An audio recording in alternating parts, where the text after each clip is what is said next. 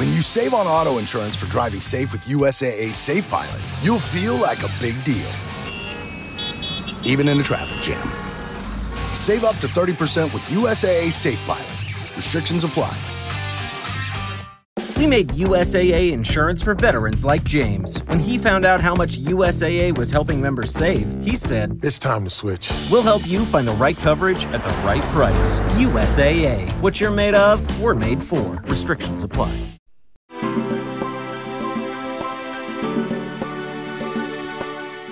Cześć, tu Natalia. i Mateusz. Zapraszamy Was do wysłuchania podcastu Zakładki, Tutaj książki są powodem do tego, żeby się spotkać i pogadać. a Wy możecie posłuchać tych ubocznie powstałych rozmów.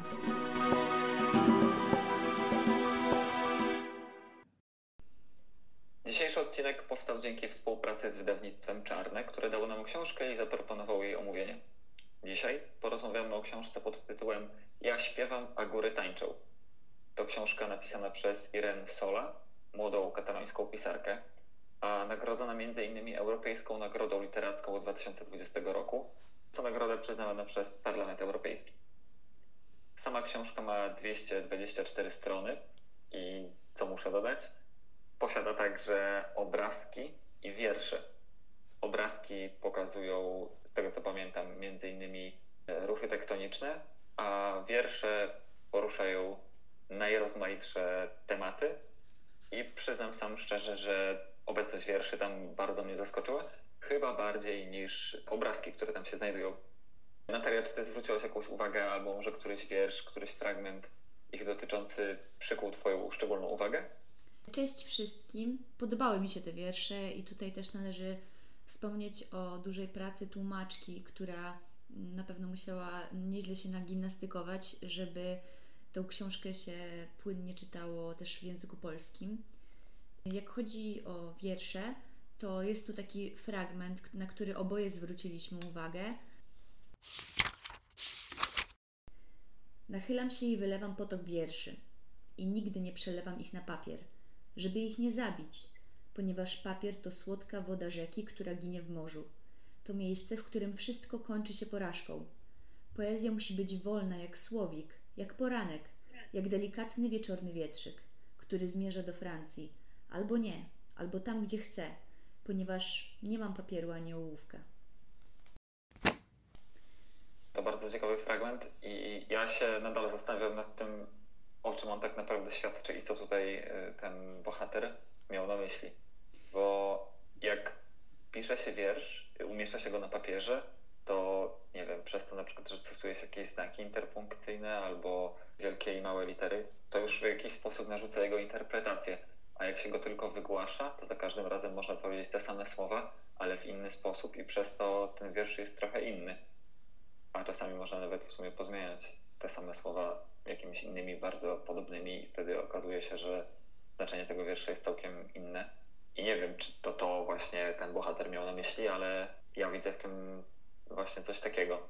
Ale na pewno jest to taka myśl, no, dla mnie totalnie zaskakująca. Ja nie spodziewałem się, że ktoś może kiedyś dojść do takiej konkluzji, że właśnie pisanie wierszy, przelewanie ich na papier, to takie trochę ograniczanie, zabijanie. Znaczy, ja to rozumiem, dlatego że sztuka to jest coś bardzo głębokiego i tak jak mówi się, że przeszłość, a nie przyszłość nie istnieją, istnieje tylko teraźniejszość.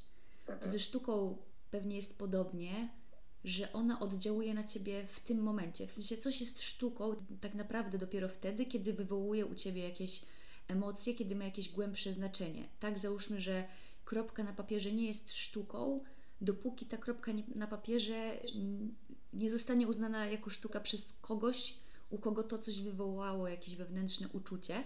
I dlatego dla różnych ludzi różne rzeczy bądź obiekty mogą stanowić y, sztukę, tak? I tak jak robili na przykład impresjoniści, którzy malowali obraz dokładnie w tym momencie, malowali dokładnie jedną chwilę, tak? Oni zsiadali na krótki okres czasu i szybko malowali obraz, dlatego że oni chcieli dokładnie tę jedną chwilę na tym obrazie uchwycić, bo im chodziło o to, że ten sam krajobraz w każdej chwili dnia, każ- każdego miesiąca wygląda, on wygląda inaczej, tak? Tak samo jak nie wchodzi się nigdy dwa razy do tej samej rzeki, dlatego że ta sama rzeka nie istnieje już, że ta rzeka wczoraj była inna. miała inne e, molekuły i tak dalej.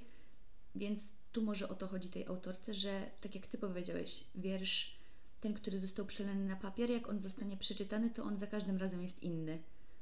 I e, tak naprawdę jak masz jakiś taki dobry moment, w którym wyrecytujesz ten wiersz, to on już zniknął. On już nigdy nie będzie taki sam jak w tym momencie, co go powiedziałeś.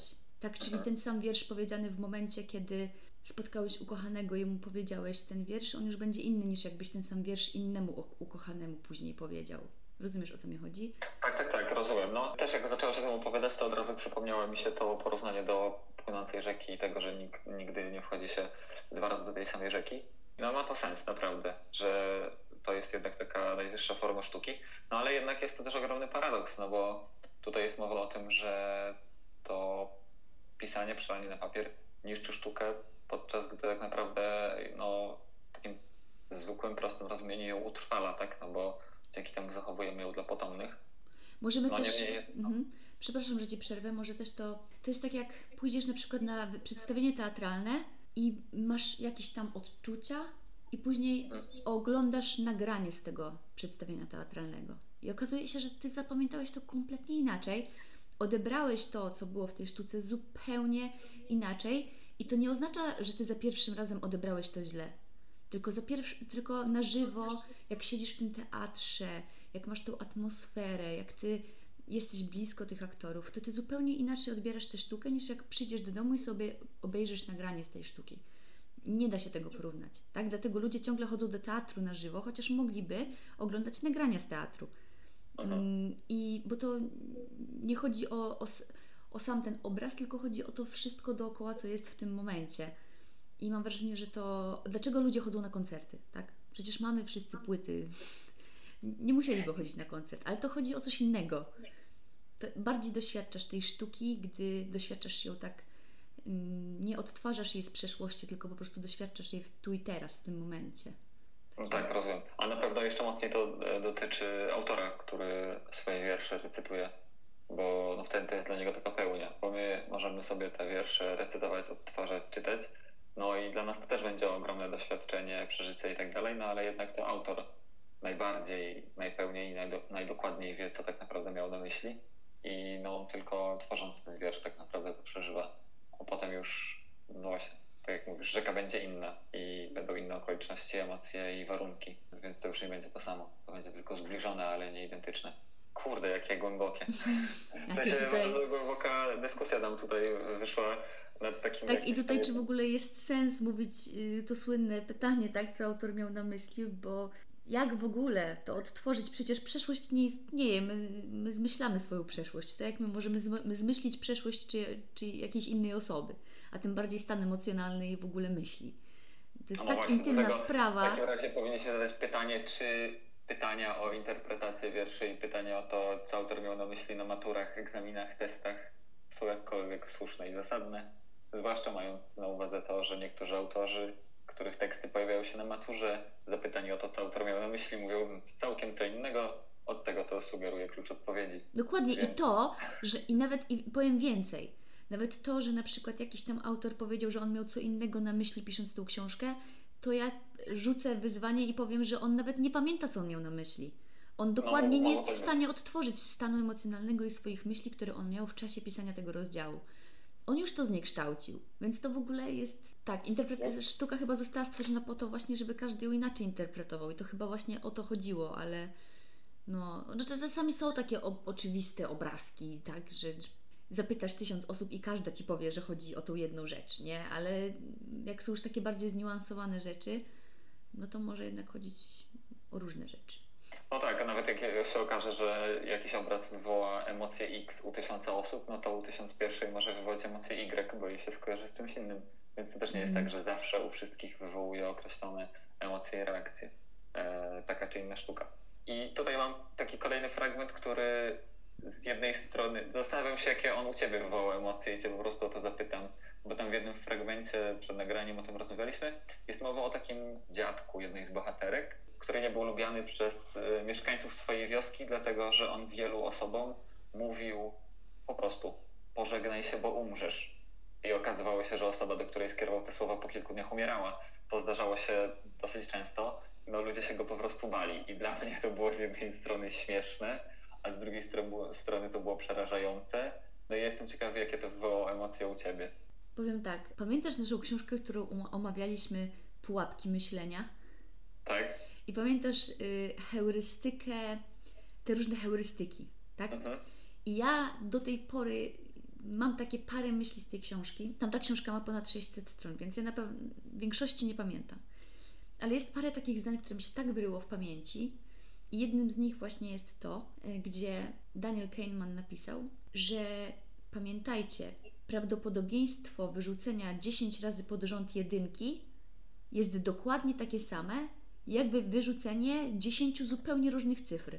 Nam się wydaje, że wyrzucenie jedynki 10 razy pod rząd to jest wow, jakie to jest rzadkie, a to jest takie samo prawdopodobieństwo jak każde inne. Więc taki dziadek, który trzy razy pod rząd by powiedział komuś, że uważaj, bo umrzesz, i trzy razy by miał rację, to ciągle nie udowadnia, że on ma moce nadprzyrodzone. Dlatego z badaniami klinicznymi jest taki problem, że dopiero te mają znaczenie na wielkich liczbach. Bo mhm. prawdopodobieństwo da, na, na wielkich liczbach jest bardzo się sprawdza, ale na małych, na jakichś przypadkach kilkunastu, kilkudziesięciu, tak naprawdę to jest nic. Nie? I ja, ja mam takie, że fajnie jest czasem, każdy z, czasem z nas lubi pomyśleć o takich przeznaczeniu, albo że tak to miało być. To nadaje sens naszemu życiu. Przecież ten świat jest taki szalony i tak pełen cierpienia, i, i w głębi serca każdy z nas wie, że to w większości nie ma sensu, ale żeby mieć spokój ducha, musimy sobie czasem ten sens znaleźć. I ja też tak robię, pomimo tego, że przeczytałam książkę Pułapki Myślenia i pomimo tego, że znam te heurystyki, to ja czasami też tak sobie ja pewnie musiałam tą osobę spotkać na swojej drodze, bo inaczej bym podjęła na przykład inną decyzję, tak? No tak. To mi się kojarzy A to też chyba wynika z tego, że my po prostu lubimy, jak coś y, w naszym otoczeniu ma uzasadnienie, że coś ma swoją przyczynę, z której to powstaje określony skutek, nam łatwiej wtedy się z tym pogodzić i to zrozumieć.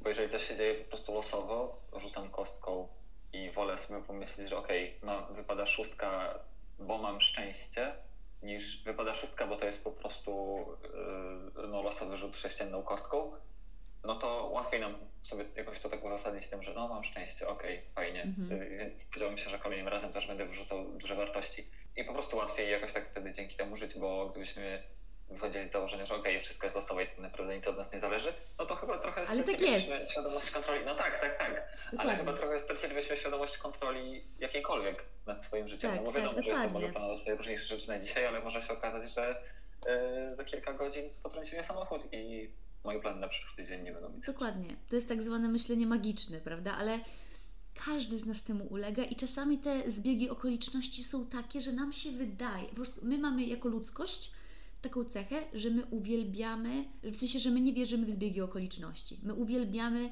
szukać łączników. I co jest mhm. śmieszne, i czasami mamy rację. Tak jak kiedyś ludzie połączyli, że hmm, jak ktoś ma grypę i my do niego przychodzimy go odwiedzić i też łapiemy grypę. No i to było dobre myślenie, no bo tak, grypa się tak w ten sposób przenosi, jak masz kontakt z innymi ludźmi. I to, i widzicie, i tu, i tu mieli rację. To takie że nasz mózg tak neguje takie zbiegi okoliczności, to jest dobre bardzo często, ale bardzo często my szukamy y, wzorów tam, gdzie ich nie ma, bo nasz mózg jest po prostu tak stworzony. Nasz mózg szuka połączeń. Jak my robiliśmy takie ćwiczenie, ponieważ ja chodzę czasami na y, komendię improwizowaną i jednym z takich ćwiczeń jest szukanie rozkojarzeń przez minutę. Zróbcie sobie takie ćwiczenie w domu. To polega na tym, że włączacie stoper i macie wy, wymyśleć jak najwięcej słów, które są w, w, żaden sposób ze sobą niepołączone. Czyli nie mogę powiedzieć na przykład deska, surf, deska surfingowa, fala, piasek, bo to wszystko wynika jedno z drugiego, tak? To wszystko jest skojarzone, tylko mam szukać rozkojarzeń, czyli nie wiem, powiedzieć y, Afryka, kosmos, y, temperówka, wiecie o co chodzi. I się okazuje, okay. że jak ktoś wymyśli 16 w ciągu minuty, to już jest dużo.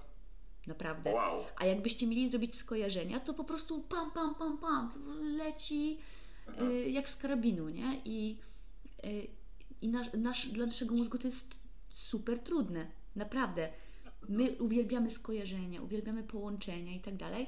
I ja, ja mało tego, jak pracowałam kiedyś y, w barze, to miałam takie dni, i strasznie to widziałam, że na przykład był jakiś dzień i, przy, i, przez cały dzień, na przykład przez 10 godzin mojej pracy, na przykład tego dnia wszyscy zamawiali jeden rodzaj szota. I to nie jest tak, że ci ludzie się widzieli nawzajem.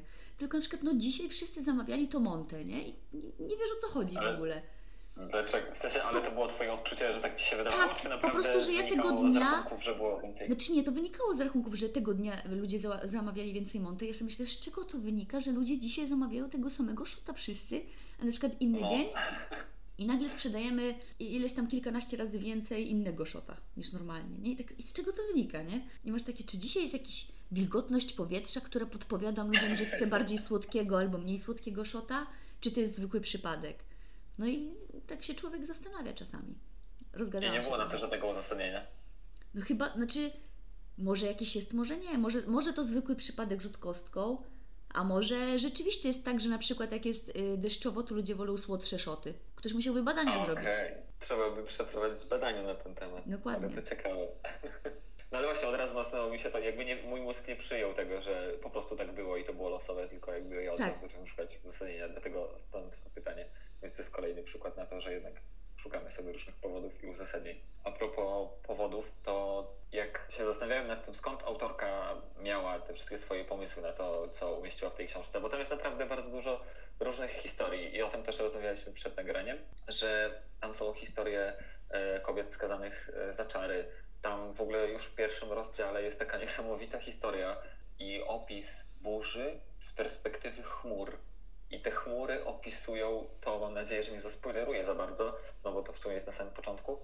Te chmury opisują, jak powstaje burza, jak zaczyna się deszcz, jak zaczynają uderzać pioruny, a potem czytamy o tym, jak piorun uderza w człowieka i jak to w ogóle przebiega i co się tam dzieje. I to jest coś takiego w ogóle tak oderwanego od rzeczywistości. Tam jest więcej takich fragmentów, e, bo to są takie, to jest powieść, ale są tam takie e, niektóre historie luźno ze sobą powiązane. Nie ma tam jakby jednego miejsca ani jednego czasu, w którym to wszystko się dzieje. Ja się zacząłem zastanawiać, skąd autorka w ogóle, czy ona to wszystko sama wymyśliła, czy to są jakieś zasłyszane historie. Część domyślałem się, że jest jakimiś legendami, ale to też nie było dla mnie oczywiste. I na koniec w nocie autorskiej ona pisze o tym, że właśnie swoje inspiracje czerpała z różnych książek z legendami. Albo z z filmu. opisów. Z filmów też? Y, Bo był jakiś film o niedźwiedziu i ona stąd, bo tam też pisze z perspektywy niedźwiedzia. Tak, o właśnie tak, to też jest kolejny przykład tego, jak pisze właśnie z perspektywy natury e, niedźwiedzia, ale też właśnie z opisów procesów oczary, z różnych książek, z jakichś starych gazet. E, Tam nawet był, była mowa o tym, że historia jednej osoby to w ogóle zaczerpnęła z tego, że zobaczyła jej zdjęcie w gazecie i nawet nie wiem, czy tam było o tym artykuł, czy, czy ona jakoś inaczej później szukała. W każdym razie no, wydawało mi się to taką bardzo twórczą pracą, w sensie jak już przeczytałem tą notę i pomyślałem sobie, jej, ile ona musiała jednak mimo wszystko wsadzić w to pracy, bo pewnie szukała więcej informacji na dane tematy, ale też jak bardzo musiała działać jej wyobraźnia i jakby jakie to musiało być kreatywne, no i to musiało być na pewno ogromnym wyzwaniem. Miałem takie, wow, no napracowała się na przykład, a słyszałeś- żeby wejść w to, jak myśli niedźwiedź albo jak myśli chmura. A byłeś już na filmie I.O.? Nie, jeszcze nie, ale No właśnie, ale mi się skojarzyło od razu, bo to jest film y, nagrany z perspektywy osła. Osiołka, no właśnie. Dlatego się I nazywa I.O. No I, właśnie, bo on jest, to jest polski film nominowany do y, Oscara. Mhm. Także Tak, tak, tak. y, warto, ja też jeszcze go nie widziałam, ale też mi się tak skojarzyło, że chyba jest też taki ogólnie nurt, że my chcemy trochę się bardziej zbliżyć do natury i wydaje mi się, że to jest jeden z tych kolejnych zabiegów, żeby uświadomić ludziom, jak bardzo my jesteśmy destrukcyjni dla planety i natury, żeby to jak jeszcze tym ludziom przemówić do rozsądku? No dobra, to może udowodnijmy im, że te. Pokażmy im myśli z perspektywy natury. Pokażmy im, że ta natura to też może być podobna do nas. Może takie bardziej mm, na zasadzie pok- m, pokazanie nam tych podobieństw między nami. Tak, tak mi się wydaje. I rzeczywiście bardzo mi się podobały te fragmenty, gdzie autorka wchodziła w różne role, bo tam nie, nie wchodziła tylko, nie wcielała się tylko w chmurę, ale też w różne zwierzęta. Wydaje mi się, że miała, mm, chciała parę celów uzyskać przez y, stosowanie takiego zabiegu. Jednym z nich właśnie było to, co już powiedziałam, czyli wydaje mi się, że chciała, żeby nas zbliżyć bardziej do natury, poprzez pokazanie nam, że jednak jesteśmy podobni, bardziej podobni niż nam się wydaje. Drugie to było pokazanie, y, według mnie, nie wiem, to jest całkowicie teoria zmyślona przeze mnie, autorka chciała nam pokazać, co najbardziej kocha w Katalonii i dlatego y, ona się wcielała w to, co tam najbardziej kocha, czyli właśnie zwierzęta, grzyby w lesie i tak dalej. I może chciała nam podkreślić, pokazać to, co jest piękne w tym jej regionie, może najpiękniejsze nawet. No i kolejna rzecz to to, co też rozmawialiśmy o tym przed nagraniem. Mm, może, żeby nas skonfrontować z taką myślą, bo w Interstellarze padło takie zdanie wypowiedziane, wypowiedziane przez Anne Hathaway: tylko człowiek jest okrutny. Natura nie jest okrutna, tak? Natura nie jest zła. Natura zabija, ale nie jest zła. Tak? To, że lew zabija jakieś inne zwierzę, to dlatego, że taki jest łańcuch pokarmowy, a nie dlatego, że chce się nad nim znęcać, tak? I z tą teorią można by się kłócić, ale nie można się kłócić z pewnymi faktami, takimi jak no nigdy w naturze żaden inny gatunek nie robił ludobójstwa na innym gatunku tylko dlatego, że ktoś inaczej się zachowywał czy wyglądał. Co ludzie robią non-stop. Muszę tutaj dodać jedną rzecz. Ostatnio słuchałem o badaniach przeprowadzanych na szympansach albo innym gatunku małp. I okazywało się, że między nimi też dochodziło do ludobójstwa, znaczy małpobójstwa, nie wiem jak to mm -hmm. nazwać, ale że one też e, w ramach jakichś swoich takich emocji, zachowań stadnych dopuszczały się pewnych zachowań, które my określalibyśmy jako ludobójstwo, w sensie, że określone grupy nawzajem się zwalczały, ale nie po to, żeby walczyć o, o żywność, o przetrwanie, po prostu tak jakby robiły to z jakiejś takiej nienawiści. To jest jakieś tam właśnie niedawno przeprowadzone badania. Nie pamiętam gdzie, nawet nie pamiętam do końca, jak, gdzie o tym słuchałem, na pewno był to jakiś podcast.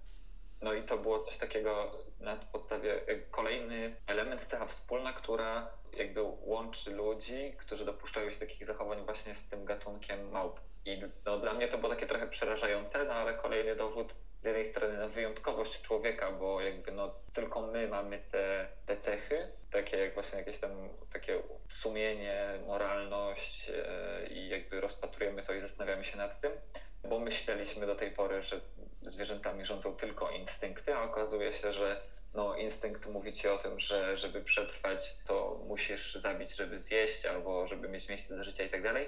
No a tutaj właśnie w tym gatunku małp okazywało się, że oni, one też walczyły po prostu po to, żeby walczyć, żeby zwalczać drugi, drugą grupę, pomimo tego, że nie musieli walczyć o żadne zasoby. Tak, ale właśnie to jest kolejny temat do dyskusji, dlatego że ja też się do końca z tym nie zgadzam, bo zawsze jak ja słyszę takie teksty w stylu, że no w naturze to nie występuje, to później się okazuje, że jednak występuje. Tak jak wiele lat na przykład Claire próbował wmawiać, że homoseksualizm jest wynaturzeniem, bo w naturze nie, nie występuje. Po czym nagle się okazało, że to jest kompletnie nieprawda, że w bardzo wielu gatunkach jest mnóstwo par homoseksualnych i, i że to jest kompletnie naturalne i, i że albo właśnie poliamoria i tak dalej. I, i a tak samo samobójstwa. Też nam się wydawało, że to jest takie ludzkie, po czym też się dowiedziałam, że jest jakiś taki gatunek w ogóle chomika, y, gdzie jak tam za bardzo się ta populacja rozrośnie, no to całe rzesze chomików nagle ska skaczą z urwiska po to, żeby się zabić, żeby E, no można powiedzieć, że to jest tam w celu e, większego dobra, no ale jednak jest to samobójstwo, tak? Mhm. Więc y, okazuje się, że może my po prostu nie znamy tej natury, do, natury dość dobrze. Może nam się wydaje, że, że my jesteśmy tacy inni, a jednak się okazuje, że wszystkie te mechanizmy, które występują u nas, występują gdzieś w naturze. I może się okaże, że natura może natura jest okrutna, bo tak się przyjęło mówić, że, że natura jest tylko dobra, a może właśnie tak nie jest. No i ciekawe to jest. Do tej pory uważaliśmy, że natura rządzi się prostymi prawami. Przetrwanie gatunku przede wszystkim, przetrwanie osobnika, no ale to tylko pod warunkiem tego, że on będzie służył rozwoju gatunkowi i tak dalej. Chorzy, nieidealni umierają. No i okej, okay, tak nam się wydawało. No a teraz okazuje się, że w sumie, no właśnie, są jednak jakieś takie zasady i prawa, które nas totalnie szukują, bo tak. okazuje się, że w sumie to może wcale nie jesteśmy tacy tak naprawdę wyjątkowi. Odkry, odkryto, że delfiny uprawiają seks dla przyjemności. Co też by przeczyło temu, że my jesteśmy jedynym gatunkiem, który to robi e, dla przyjemności. Co też się okazało to jednak y, mit.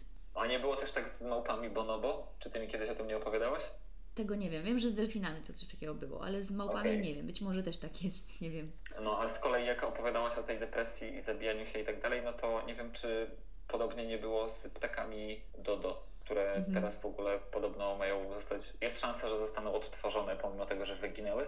Bo to są te ptaki, które tak e, w epoce lodowcowej w tej bajce Mhm. tak skakały z tego nabrzeża i spadały w dół, ale spadały na ziemię, a nie do wody. Mhm. E, No i one wyginęły podobno przez to.